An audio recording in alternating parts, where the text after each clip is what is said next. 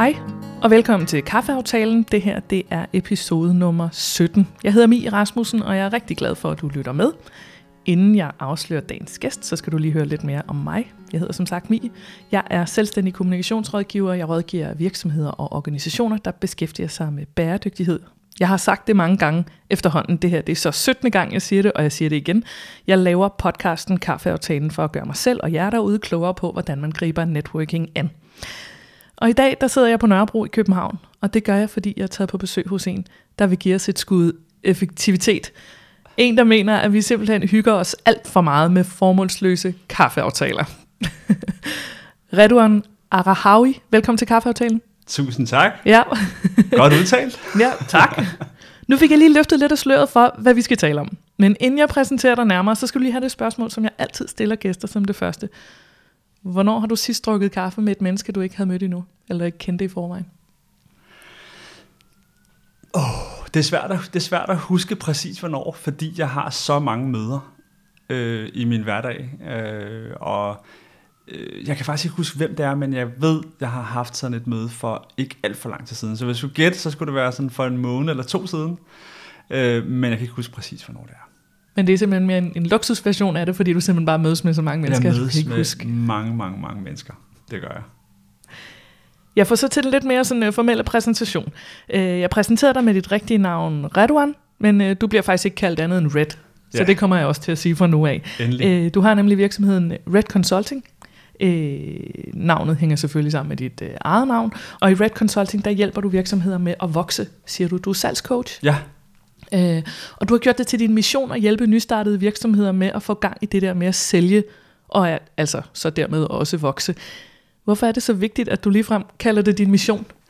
Jamen det er det, fordi at øh, jeg har spottet derude, og det er længe siden faktisk, det dengang jeg startede op, der, der spottede jeg, at mange iværksættere, de, øh, de kaster sig ud i det her med at være selvstændige, men kommer til at fejle, fordi de ikke har brugt nok energi på, på salg og har fået nok kunder. De har simpelthen ikke fået nok kunder. Øh, og, og så har man bare en rigtig skidt situation, fordi altså, drømmene og, og ambitionerne og alle de her tanker om at, at lykkes, de, de slukkes langsomt, fordi at der simpelthen ikke er nok øh, omsætning i forretningen til, at man kan køre videre. Øh, og det, det, det finder jeg mig i. Det, det går ikke. Jeg blev simpelthen så irriteret første gang, jeg, jeg stødte på en iværksætter, som, øh, som, som var havnet i den situation. For jeg synes, jeg, jeg synes det var ærgerligt, at en, en drøm skal, skal forsvinde, og de potentielle øh, arbejdspladser og muligheder, der lå i, i det skridt, som han havde taget, det synes jeg var ærgerligt, at det skulle stoppe bare på grund af noget øh, salgstræning, som den person ikke havde fået. Så det vil jeg gøre noget ved.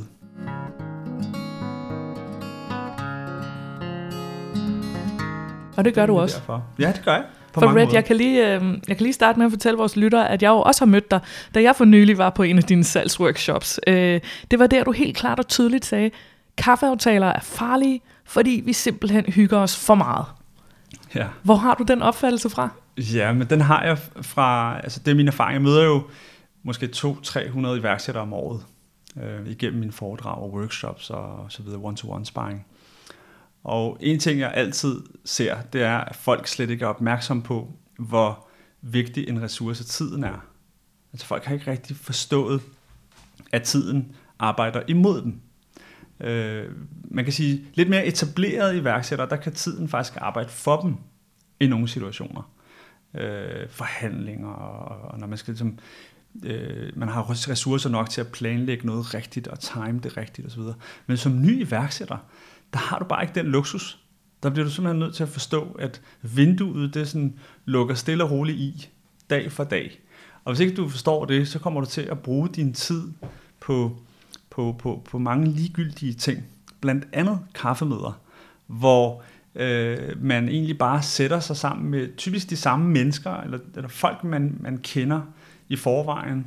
Øh, andre selvstændige, det kan sagtens være øh, ligesindede, men, men hvor der går for meget hygge i den. Der går for meget, øh, lad os dele nogle erfaringer, lad os, lad os snakke om, ja, hvad der skete, eller sådan, frem for egentlig, hvordan man kan komme videre fra det sted, hvor man er.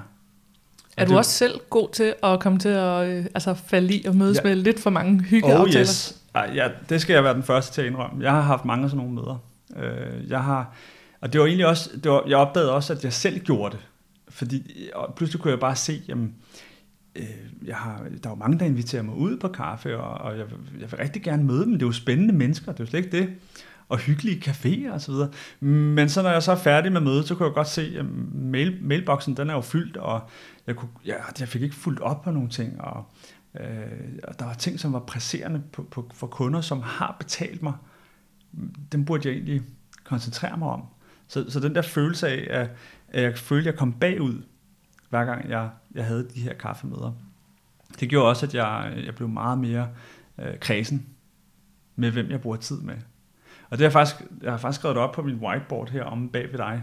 Øh, der har jeg øh, for noget tid siden skrevet en, et spørgsmål, der hedder, gavner det min mission? Det er faktisk nærmest det eneste, der står på det whiteboard. Det er næsten det eneste, der står, og det er fordi, det er, det er blevet mit filter på, på ikke bare møder, men, men alt. Alle aktiviteter og ting, jeg beskæftiger mig med. Øh, gavner det min mission? Og hvis ikke det gør det, hvis ikke det hjælper mig med at hjælpe andre med at vokse, så, så, så skal det ikke Så behøver så skal du ikke drikke kaffe. Det er fordi mange af dem, som jeg øh, ta- har talt med i øh, podcasten her, det er jo også folk, der siger, at vi i Danmark er rigtig dårlige til at invitere os selv på kaffe hos folk. Og der virker ja. det lidt som om, du står på en anden platform, hvor du faktisk siger, vi er faktisk meget gode til at drikke kaffe med hinanden, men, men det kommer ligesom til at have et, et forkert udgangspunkt, eller der er ikke noget mål for det. Er det det, det handler om? Ja, det handler om kvaliteten af de møder. Altså det er jo fedt at gå ud og møde nye mennesker og øh, og netværk og så videre. Men, men udfordringen er bare, at vi som iværksættere har en lidt brændende platform under os, der hedder, vi bliver nødt til at få nogle kunder. Vi bliver nødt til at få noget omsætning ind i forretningen. Og hvis vi kommer til at bruge for meget tid på, på møder, som egentlig bare fører til nye bekendtskaber, øh, hvor vi ikke bliver klogere, hvor vi ikke udfordrer os selv, hvor vi ikke jagter ligesom den, den, den næste kunde, så har vi bare en udfordring. Og der er det, jeg siger, der skal være plads til de her ting. Hvis du møder nogle spændende mennesker på din vej som iværksætter, så skal du også kunne tage en kop kaffe med dem, men så gør det uden for arbejdstid. Og ikke inden for arbejdstid. Der skal man altså sørge for at bruge den værdifulde øh, tid på møder, som på en eller anden måde skubber ind i den rigtige retning, som øh, helst er koblet på missionen, den mission, man nu har. Og hvis ikke man har fået defineret en mission, så skal man gå i gang med det. Så missionen er ligesom første step hen mod at holde effektiv kaffemøder? Ja, det synes jeg. Det starter jo med missionen. Hvad vil du med dit iværksætteri? Og det er okay, at det er sådan lidt diffust i starten, men, men, men, men skriv det ned, selvom det er diffust. Jeg, jeg, jeg opdaterer min mission konstant. Det har jeg gjort i næsten fem år nu, sådan fra, fra foredrag til foredrag, så har jeg sådan gået ind og kigget lidt på den og tænkt, ej, kunne jeg lige ændre et ord, eller fordi det er jo en levende proces. Men lige snart missionen, den ligesom materialiserer sig foran en, og man ved, hvad det er, man skal opnå, så bliver det også nemmere igen at filtrere i aktiviteterne. Mm. Nytter det så noget, at jeg sidder med en, der er selvstændig tandlæge lige nu? Nytter det noget, bare fordi han er flink? Og... Nej, det nytter ikke noget. Fordi det har intet med min mission at gøre. Så bliver jeg nødt til at sige, jamen, så vil jeg hellere sidde med, med en anden coach, som arbejder med, med folk, og som jeg kan lære noget af, eller jeg vil sidde med, med, med nogle virksomhedsejere, som, som har den udfordring, som jeg kan hjælpe dem med. Så, så det er kvalitet over kvantitet i bund og grund. Øh, og og det, det synes jeg, der ser jeg alt for meget hygge, og det, det hænger jo selvfølgelig også sammen med, at, at der er de her, især nye iværksættere har jo de her vedbrødsdage, hvor jeg vil sige, det er lidt vedbrødsår, kan man sige. Det, det hele året, første år er jo bare kæft hvor er det fedt at være selvstændig og frihed, når man bliver lidt beruset af ja, alle kan, mulighederne. Det kan jeg godt skrive under på. Ja, ikke? man bliver simpelthen beruset af alle de her muligheder, og jeg kan jo mødes med folk, og jeg, har, jeg kan jo selv bestemme, hvad jeg skal lave, og øh, det er så hyggeligt og fedt, og, og, og det er det også, men man skal bare huske, at det er ikke særlig hyggeligt om to til tre år, når man føler, at man bliver nødt til at dreje nøglen om, eller er tvunget til at dreje nøglen om, fordi at der simpelthen ikke er sket nok på, på omsætningssiden. Og det er bare en, det er bare en del af det, det er, at økonomien skal hænge sammen. Øh, og ellers så skal man bare lave en hobbyvirksomhed. Det kan man lige så godt. Altså, hvis, hvis, ikke, hvis ikke man har ligesom, hvis ikke, hvis ikke man har det økonomiske sigte, så, så, så kan man så godt køre det som en hobbyvirksomhed. Og så, mm. det kan også være fedt for nogen. Men, men hvis man vil være selvstændig og, og, og lave business, så skal man altså fokusere på salget, og det kræver, at du mødes med, med de rigtige mennesker til at starte med. Og de her rigtige mennesker, nu sagde du, at, at, at vi tit kommer til at mødes med nogen, vi kender i forvejen. Er det forkert at mødes med nogen, man kender i forvejen? Nej, det er ikke forkert. Det kommer an på, Altså det, det, jeg synes, der mangler, det er formålet med mødet.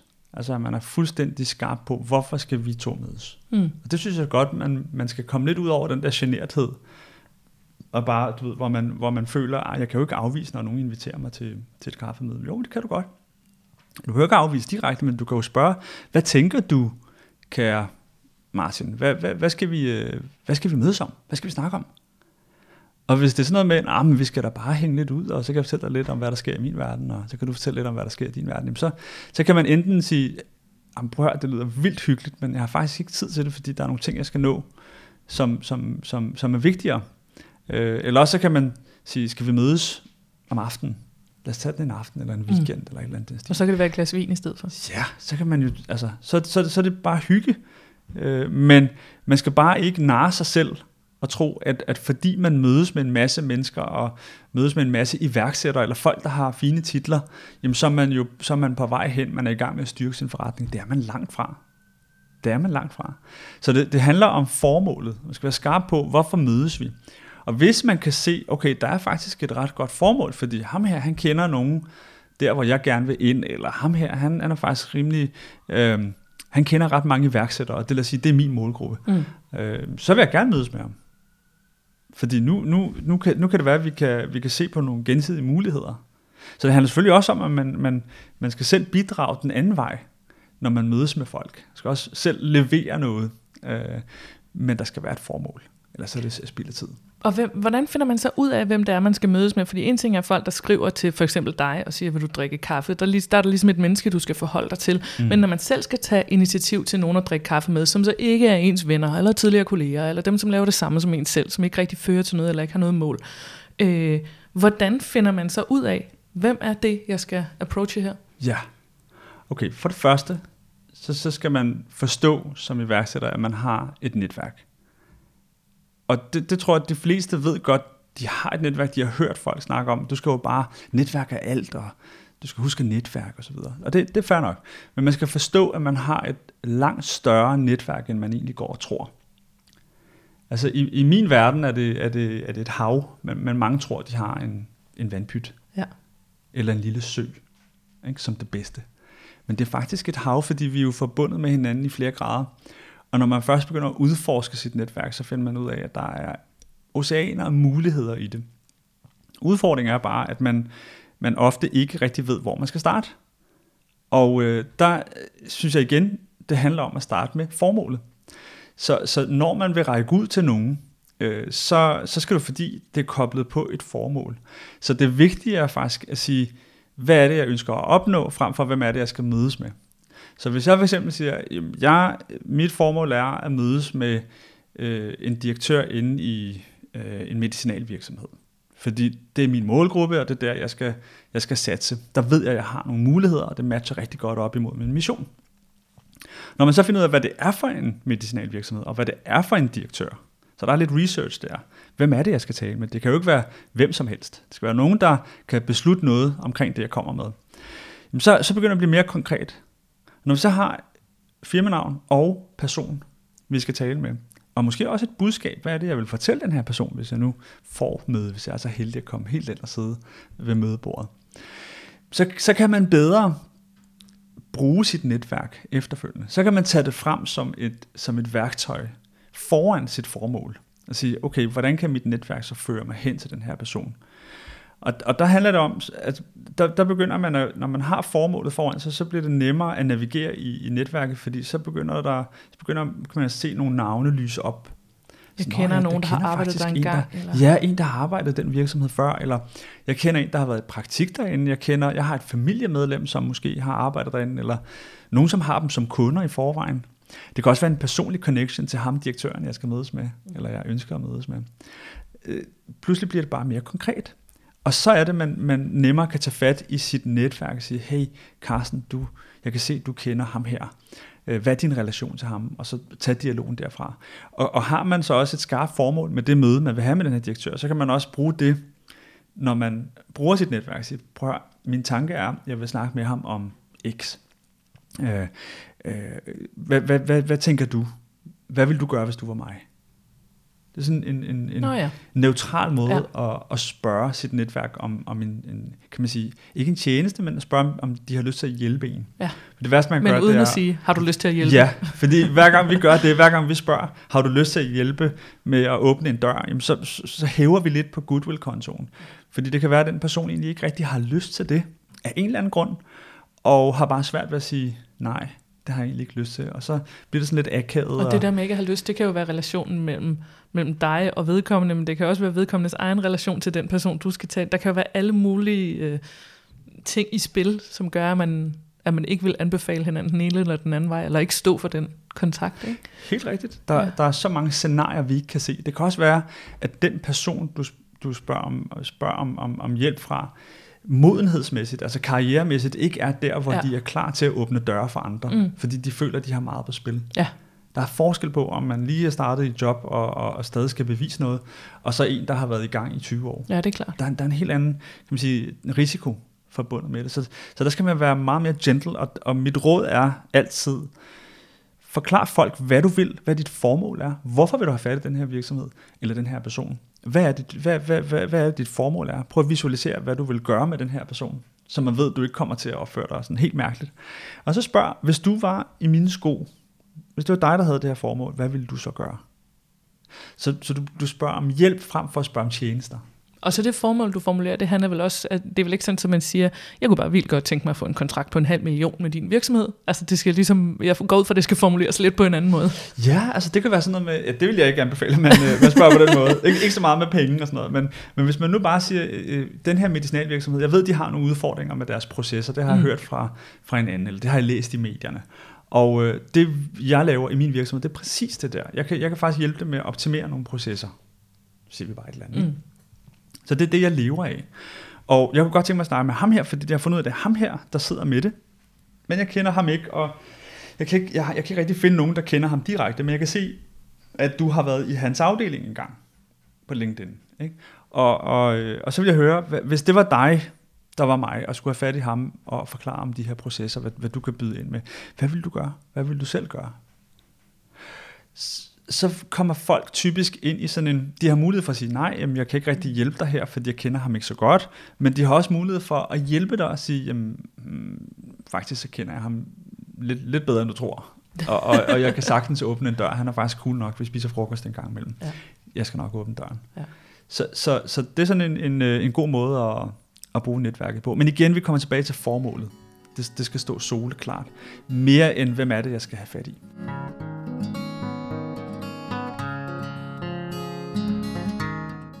Nu taler vi om øh, Salzburg Shop og kaffemøder som, som forretningsmøder, når man har en virksomhed. Det har vi jo talt en, en del om allerede.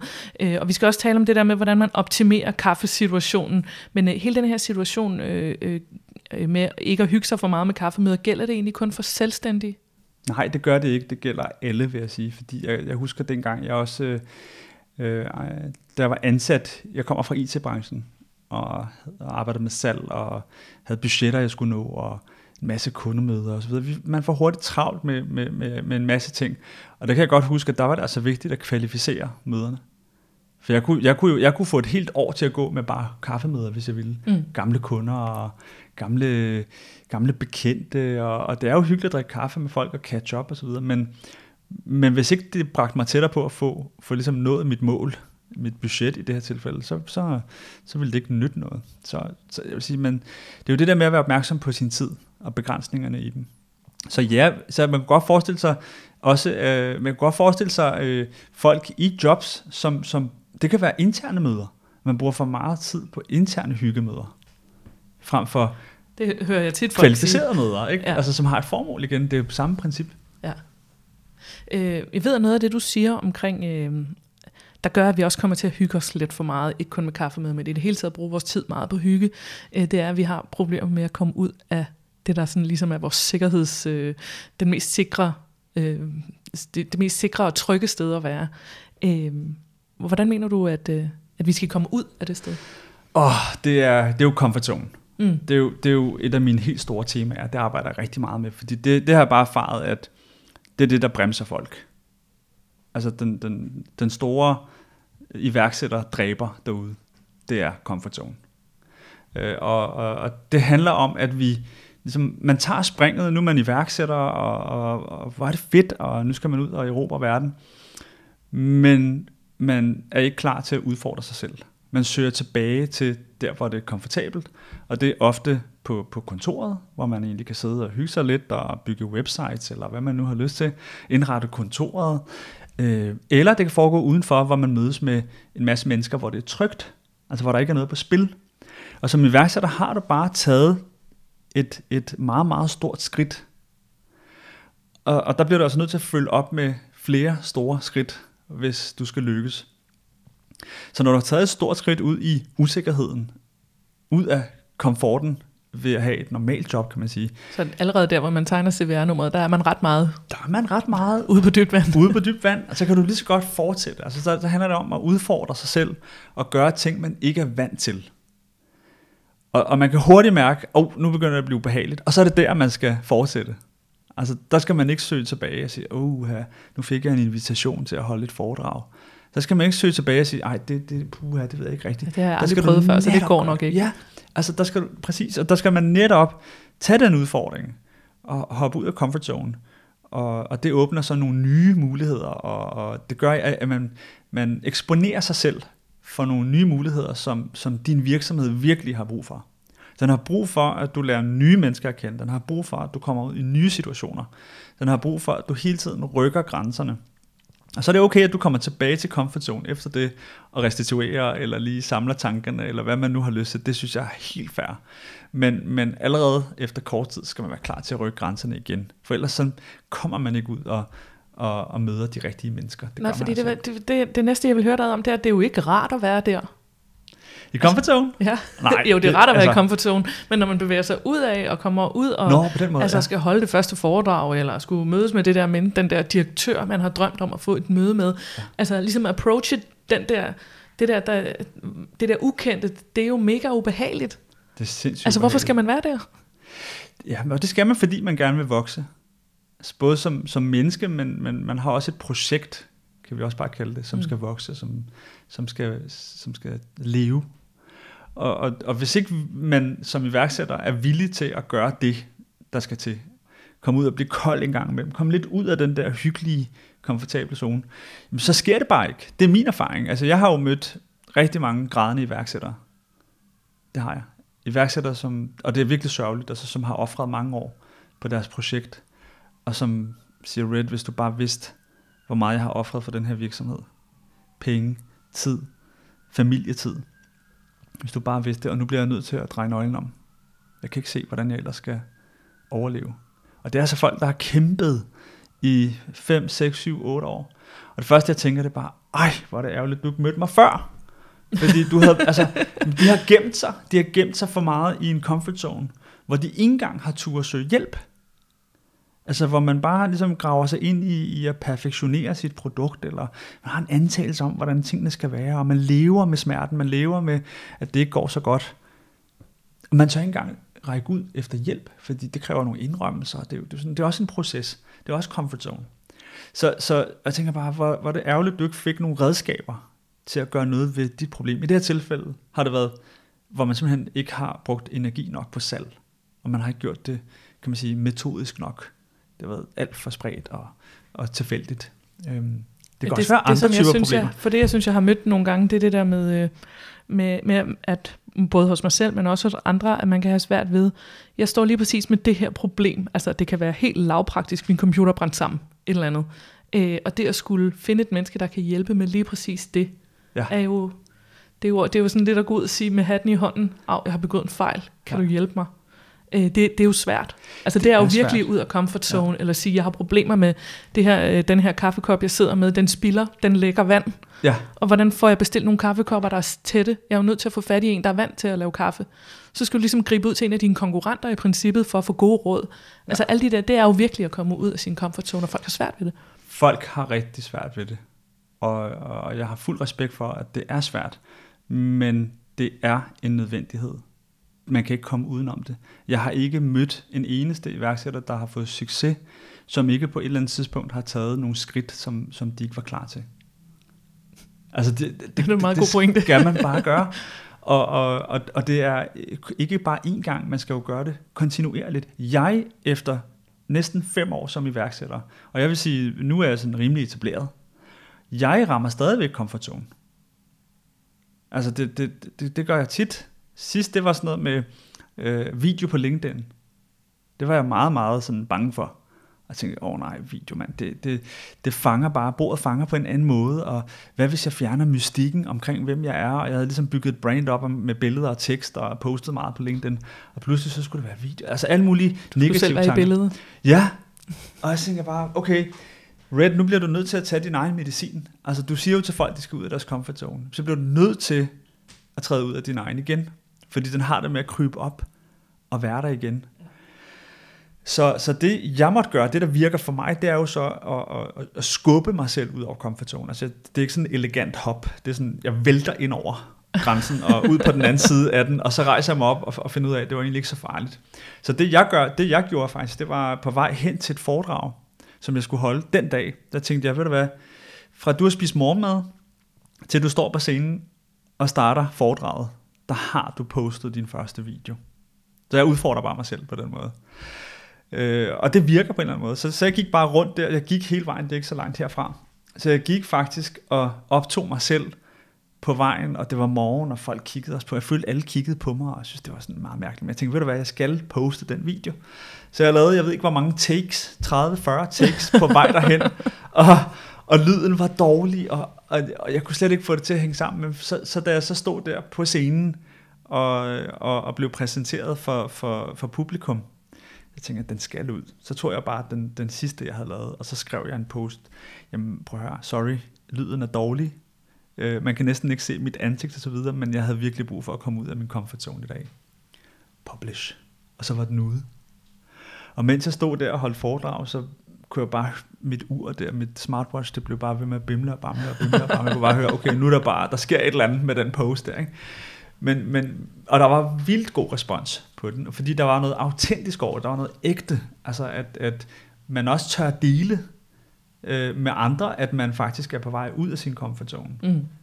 Det, skal man, det skal man gøre. Det, det, der er et kæmpe fællesskab derude, og folk vil rigtig gerne hjælpe hinanden. Og jeg har ikke endnu mødt en eneste konkurrent. Jeg har ikke mødt en konkurrent i fire og et halvt år. Er det ikke vildt? Jo. Jeg har mødt masser af coaches, og også andre, der arbejder med iværksætter osv., men jeg har aldrig set det som konkurrenter. Fordi altså, folk vil rigtig gerne hjælpe, og jeg vil gerne lære af andre, og de vil gerne lære af mig. så, så du så, mener, at du har ikke mødt en konkurrent, fordi du ikke betragter dem som konkurrenter? Dem der, som der, der er plads til flere end dig? Der er plads til så mange. Altså, det er der. Jeg er så bare mig.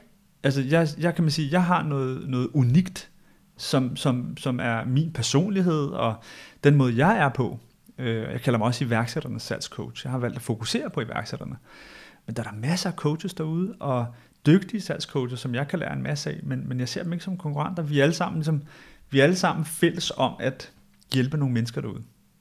Vi, vi er ikke ude på at tage kunder fra hinanden. Sådan, sådan ser jeg i hvert fald ikke på det. Og det kan godt være, at nogle brancher, der kan man sige, der er lidt mere konkurrencepræget osv., men for de fleste iværksættere, der starter op, der er det altså ikke så konkurrencepræget, som man skulle tro. Nej. Det handler bare om at finde sin niche, og virkelig dyrke den og være sig selv. Det er de færreste, der også bevæger sig inden for et felt, hvor der kun er plads til én på markedet. Ja. Det, så, Uanset så, om man sælger varer, eller man, altså kaffekopper, eller en konsulentydelse, eller hvad det er, der er faktisk plads til mere end en. Der er masser af plads. Og, og, og så skal man øh, hurtigt væk, væk med de der negative tanker om, at hvad kan der ske øh, uden for comfort zone. Fordi jeg har, det jeg har erfaret, det er så væltet ind over grænsen og kom ud på den anden side af comfort zone og havde lavet min første video, det var, at det var meget nemmere at lave video 2 og video 3 og video 4. Og pludselig så lavede jeg ikke andet end videoer, fordi det var meget nemmere, end at skulle sidde og skrive. Så jeg kunne ja, bare stå et eller andet sted, lave en video. Okay, den var ikke så god. Second take, third take, fourth take, og så, så var den der. Publish. Så det blev nemmere for mig, og, og, og det har virkelig åbnet døre at lave videoer. Og jeg, jeg har mange historier fra, fra min tid som iværksætter, hvor jeg har pushet mig selv ud over grænsen. Så, så det, det, bare for at sige, det er en ongoing proces. Sorry guys, det bliver ikke nemmere. Øh, de her comfort zones, øh, de vil trænge sig på igen, og så er det bare om at ligesom, øh, finde modet og træde ud igen og vokse med, med det og accelerere sin, sin udvikling på den måde. Jeg skulle til at spørge dig, hvordan man finder sig til rette uden for comfort zone, men det lyder lidt som om, du har talt dig hen i retning af en konklusion over, altså det der med at vælte ind over hegnet, og så sige, det er måske lidt ubehageligt, øh, at man, taber over noget, øh, man, man falder over noget pigtrådshegn første gang, men anden, tredje, fjerde gang, så lærer man at hoppe over på en lidt bedre måde, og så, ja. så, så bliver det en del af comfort zone. Det gør det. Og, øh, og det, det, jeg har erfaret, det er, at min comfort zone udvider sig for hver gang, jeg træder ja. ud af den. Så det, der var sådan, som forestiller sig sådan et grønt felt, det der var sådan et rødt felt udenfor, det, det, det træder jeg ud i en gang, og det gør ondt, og så finder jeg ud af, at det ikke var så farligt, og får en masse selvtillid af det. Og så bliver det felt jo så grønt, og så udvider min comfort zone. Så, så nu har jeg faktisk en rimelig stor comfort zone. Altså, der er mange ting, jeg kunne kaste mig ud i, fordi jeg har gjort det så mange gange før, at jeg ved, det nok skal lykkes på en eller anden måde. Det bliver ikke perfekt, og det skal det heller ikke være. Jeg må, det må, man må godt vælte ind over hegnet. Men det der, det, der er fedt, det er bare, at øh, du, får, du får presset dig selv ud, hvor du får nogle oplevelser, som du aldrig havde regnet med at få. Og det mener jeg helt seriøst. Altså første gang, jeg, jeg kastede mig ud i at holde øh, foredrag, som også var sådan en, comfort, en kæmpe comfort zone ting, øh, det har jo åbnet så mange døre, og jeg har kunnet møde så mange iværksættere hvert år.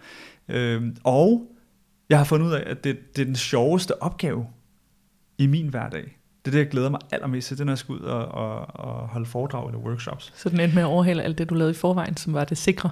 Ja, og så tænker jeg bare nu, tænk hvis jeg ikke gjorde det, tænk hvis jeg ikke havde tur gøre det, hvor ville jeg have gået glip af meget.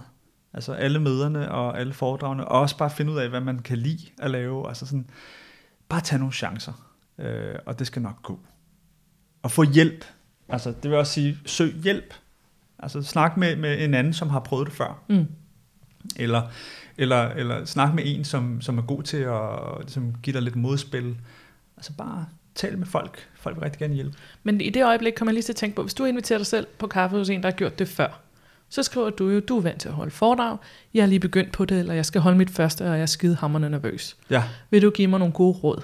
Ja. Så er alt i forhold til, hvor meget jeg ved om kaffemøder nu, så er det helt normale med en, der er lidt øh, prof inden for det felt, at vedkommende den anden vej vil sige, jamen hvad kan du hjælpe mig med? Faktisk, eller hvad kan, eller, så vil vedkommende, han, er jo, altså, han eller hun er jo godt klar over, hvad, hvad vedkommende kan hjælpe dig med, ja. men hvad får jeg den anden vej? Det, det sker implicit i øvelsen, fordi han, han eller hun får lov at hjælpe mig, mm. og folk elsker at hjælpe. Det er min erfaring. Det gør de. Så allerede ved bare at give mig nogle råd, så har de fået noget ud af det. Mm. Og jeg, det sker for mig hele tiden, når folk spørger mig om råd. Det er så tilfredsstillende at hjælpe andre, uden at få noget igen. og jeg har et godt eksempel på det, for der med foredragene der, da jeg skulle kaste mig ud i et kæmpe comfort zone ting, altså kæmpe issue, jeg var virkelig bange for at stå på den scene, det var jeg. Der var bare, jeg tænkte, hvem, hvem kender jeg, der er foredragsholder? Og på det tidspunkt var min, mit netværk ikke særlig stort i forhold til iværksætteri, for jeg var stadig ny. Så tænkte jeg, ej, det sidste foredrag, jeg har været til, det var en, der hed Leif. Leif Carlsen. Han har noget, der hedder uh, Social Selling Company. Ja. Han var godt nok dygtig, tænkte jeg. Han virkede super rutineret. Han var blevet booket ind, og man, han var lige kommet fra et andet foredrag, så jeg fik et indtryk af, at han holder altså mange foredrag her. Så ham kendte jeg ikke. Han holdt et foredrag, that's it. Så ringede jeg til ham. Hej Leif. Og så, tog jeg, så fortalte jeg ham, altså nu er jeg på vej ind i det her med foredrag, og jeg kan se, at du er mere rutineret, og jeg vil bare lige høre, om, om, om du kunne give mig nogle råd. Er det, har du tid til det? Ja, ja, sagtens. og jeg endte med at blive så meget klogere efter den samtale, fordi han fortalte mig en masse ting om sådan, du ved, med prissætning og øh, hvordan man forbereder sig. Og jeg kan tydeligt huske nogle ting med, pas nu på med, at du også kan blive udnyttet. Altså, at der er nogen, der bare vil have gratis foredrag hele tiden. Og hvordan ja. håndterer du den situation? Jeg fik alt det, jeg ville kunne lære på, på to års erfaring, det, ville, det kogte han bare ned på 10 minutter, så var jeg ligesom preppet. Der skete ikke noget. Og nu mødte jeg ham for nylig øh, i, øh, i en Føtex, sådan helt midt i ferien, og vi snakkede så om, altså vi kendte hinanden rigtig godt og så videre. Det, og det var bare en samtale. Så, så igen, du har et hav, altså dit netværk er kæmpe stort, du ved det bare ikke. Det kræver bare, at man har lidt mod til at bruge det, og man har nogle, nogle, et klart formål, når man så endelig tager fat i det.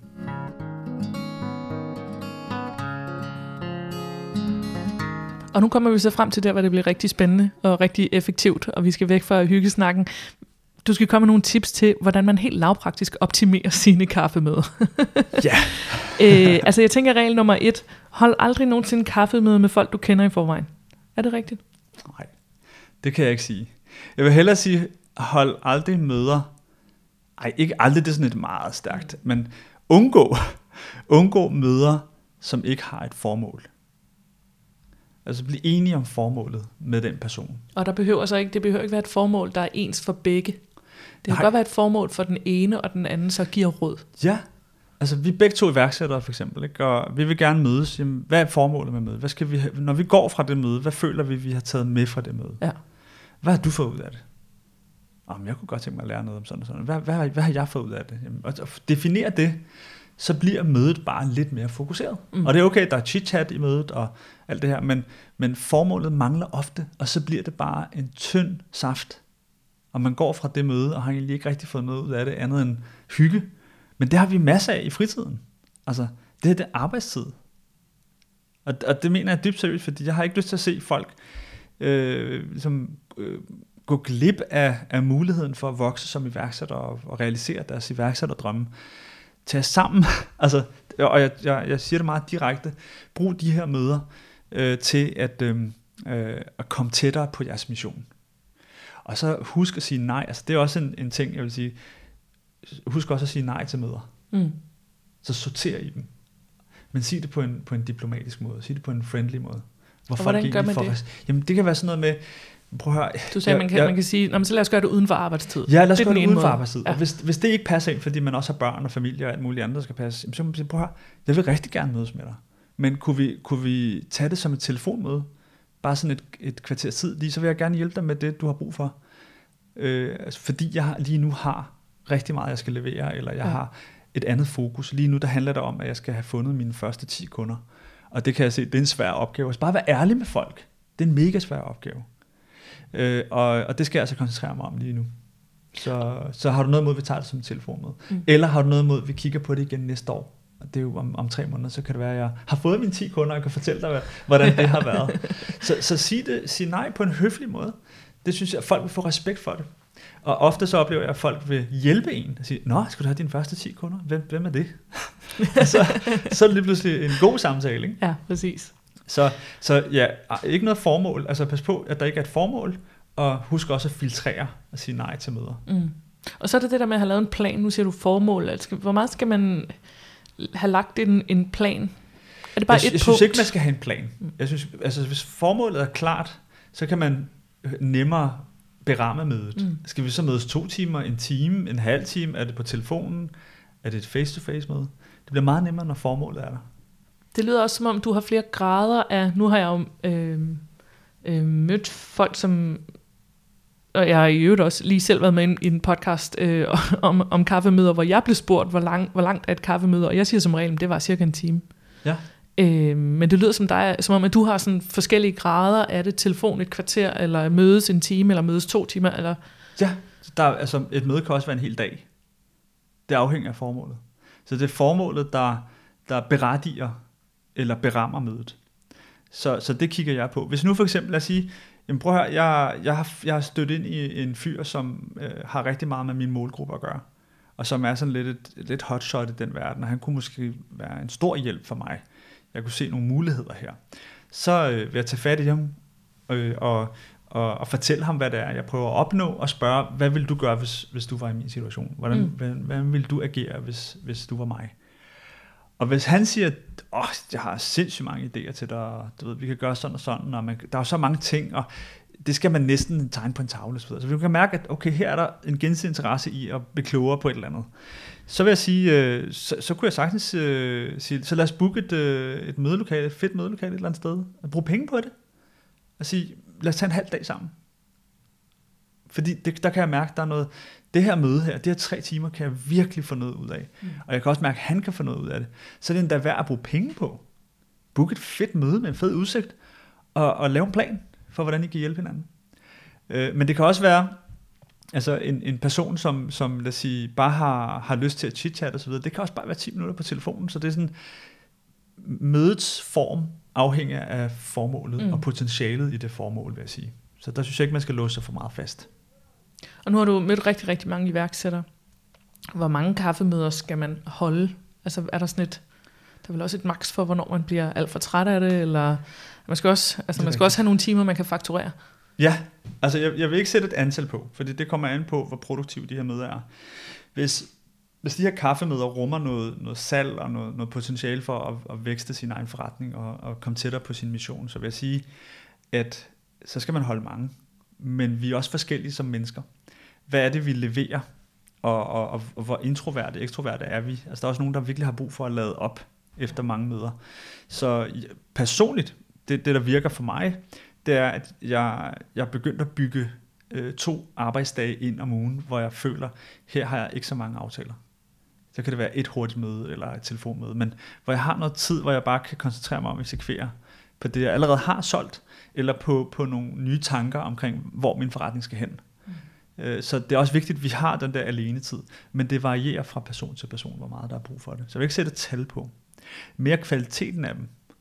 Og jeg er sikker på, at hvis folk kigger i deres kalender, bare kig i din kalender i dag, i morgen og i overmorgen. Bare kig på de næste tre dage. Hvad har du af møder der? Hvad har du aktiviteter? Og så spørg dig selv, gavner det min mission? Kig på det enkelte møde. Gavner det min mission? Jeg er sikker på, at man vil finde nogle ting der, hvor man tænker, det kunne jeg lige så godt fjerne. Så er rigtig meget fyld i vores kalender. Og det er rigtig meget tid, vi bruger på det. Har du øh, noget helt konkret bud på, hvornår man sådan selv kan gennemskue, at man hygger sig lidt for meget, når man sidder til et kaffe med? Ja, du er, du er ikke nervøs nok. det vil jeg sige, hvis du, hvis du går hver dag og hygger dig og har det godt, og, og, og der ikke har været den der sommerfugl i maven, hvis det er et stykke tid siden, du har haft sommerfugl i maven, så er der noget galt. Og så er der sikkert nogle psykologer derude, der vil sige, nej, det må du ikke, fordi folk skal have det godt og sådan noget. Men, men realiteten er bare, iværksættere skal ud af comfort zone. De skal opsøge nye muligheder, for ellers så lukker vinduet i, og det vil bare være rigtig ærgerligt. Så, så, så jeg vil sige, det er meget rart lige at kigge på, er jeg nok derude, hvor det er ubehageligt? Hvor jeg føler, at nu skal jeg til at gøre noget, som jeg aldrig har prøvet før. For eksempel i dag, podcast. Jeg har ikke prøvet at være på en podcast før. Det, det er nyt. Øh, der kunne jeg mærke sommerfuglene lidt i maven i morges. Det var sådan lidt, åh. Oh. Men det var fedt, fordi det var sådan lidt, nå ja, jamen så, så er jeg på ret vej. Jeg gør noget for min virksomhed, jeg gør noget godt her. Så, øh, så man, skal ikke, man, skal ikke, øh, man skal ikke have det for godt for længe. man, skal, man skal helst derud, hvor, hvor man kan mærke, at nu er der noget på spil. Red, tusind tak, fordi du vil være med i kaffeaftalen. Det var en kæmpe fornøjelse. Som sagt, indehaver af Red Consulting, øh, og du er salgscoach. Og hvad var... Øh, jeg tog som sagt en salgsworkshop. Var det salgsworkshop.dk, du har? Ja, ah. salgsworkshop.dk. Ikke yes. særlig frækt navn, men lige til. Men det var dig, der fik den. Ja, De andre salgscoaches har ikke taget den. Nej, det har de ikke, og, og den er kun for iværksættere. Jeg håber, at din opsang her øh, om at lade være med at hygge sig for meget over kaffen, betyder, at der er nogen andre end mig, øh, der at være lidt mere effektiv, øh, uden at frygte at blive set som sådan nogle kolde og kyniske forretningsfolk. Jeg lagde mærke til, at du også sagde, at man skal altid huske at være flink. Det skal man, helt sikkert. Det er i hvert fald noget, jeg kommer til at arbejde efter fremover. Altså ikke så meget det med at være flink, det håber jeg, jeg allerede er, men, øh, men det med at holde lidt mere effektiv kaffe med. Ærlig og flink. Og så masser af formål.